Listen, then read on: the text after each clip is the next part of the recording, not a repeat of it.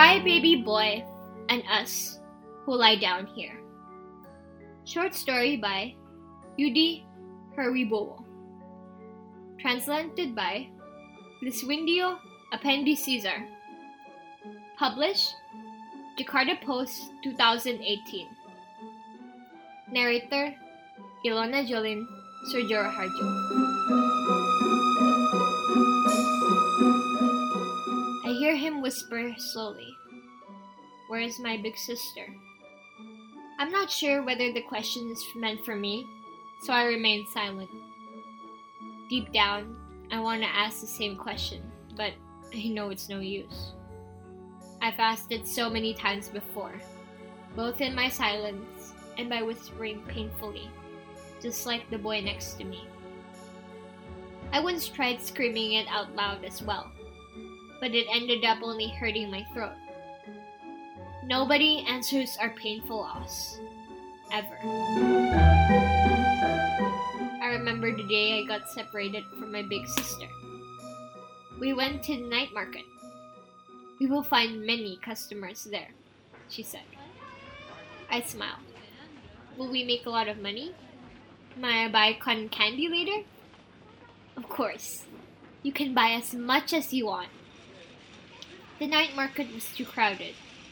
Since entering the first gate, it already was difficult for us to get through. My sister had to grip my hand firmly. You don't let go.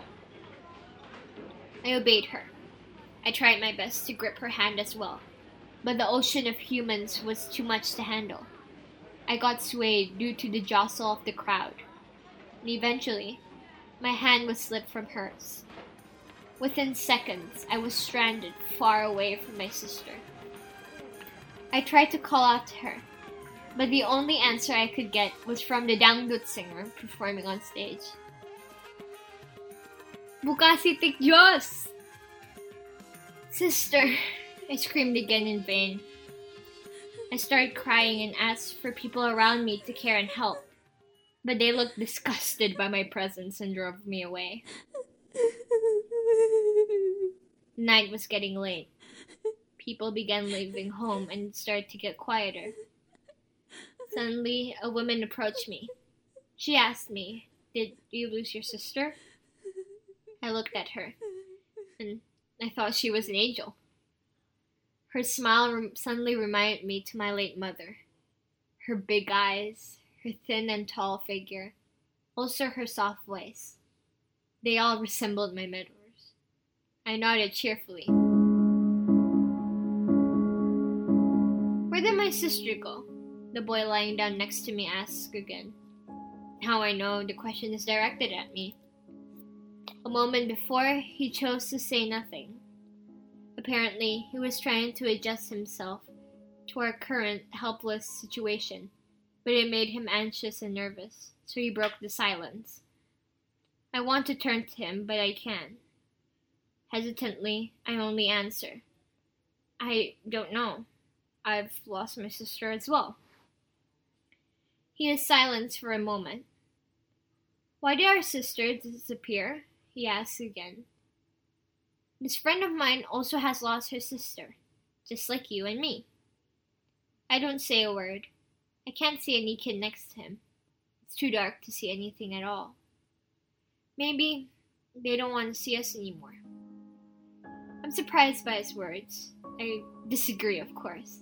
I'm certain my sister is nothing like that.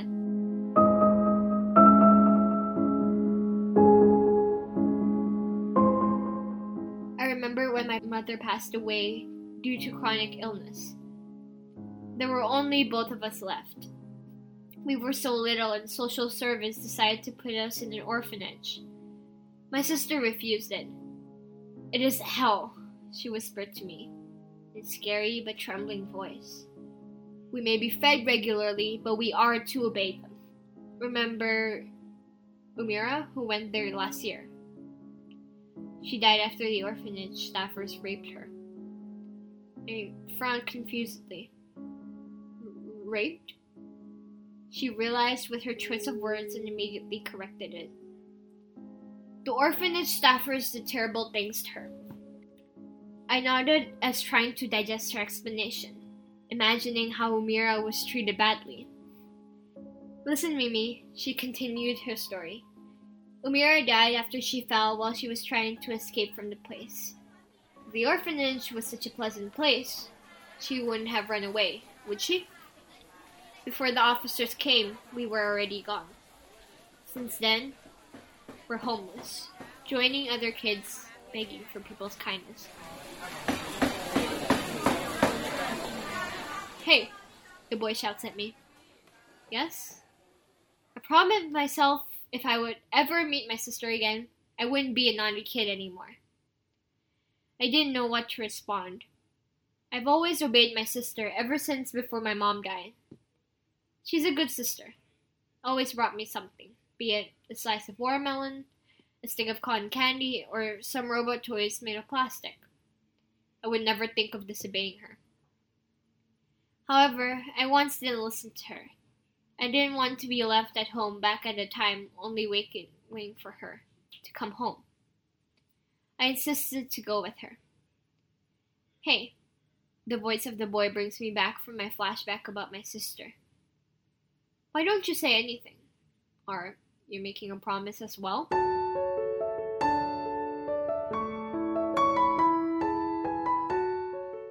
Met before somewhere else but here?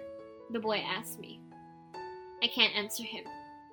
All I know is I was taken to a big mansion that seemed like a haunted house by a woman who had promised me that I could meet my sister. However, the moment I got there, I realized that she had tricked me. My sister wasn't there, and that woman disappeared. I really wanted to cry, but seeing people who looked like scary giants around the mansion made me hold back, because they would slap and torture anyone however they liked. I was then put inside a big room that the light could barely get inside. I saw some other kids the same age as me, terrified. Some others looked ill, and most of them cried so much. I can't remember you either, the boy interrupted my reverie. I always cried in that room. Finally, I remembered the kid who always cried back at that room. Most of the healthy kids inside the room tried to calm him down. I didn't want to bother to care about him. It's his own business. But the gatekeepers outside scolded at us.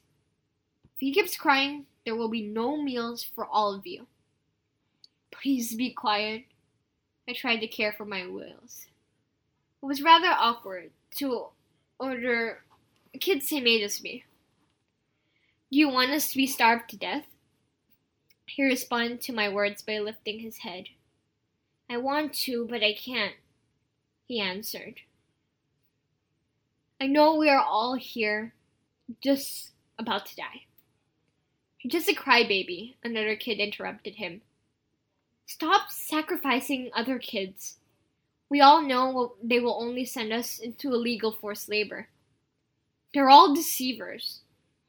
Nobody expected him to talk back. To begin with, we were deceived. That's why we're here. There's no way this time they'll tell the truth. Everyone understood him clearly. I knew that the very reason I was here because the woman had deceived me. One more thing to make you all assured. Try to breathe deeply.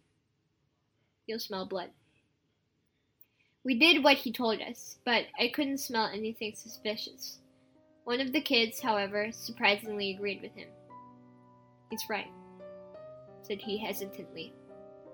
I lived in an abattoir, and I know for sure this is the smell of blood.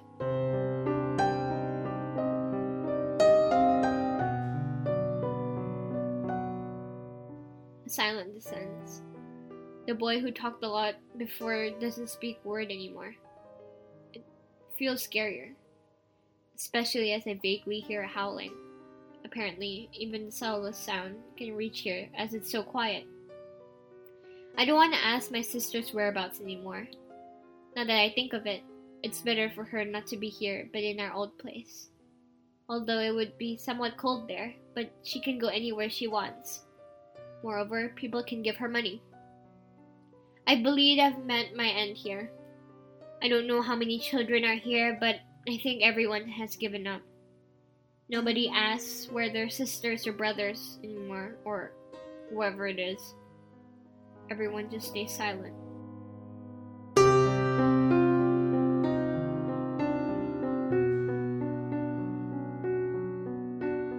As I was busy with my own thoughts, suddenly I heard a turmoil from above.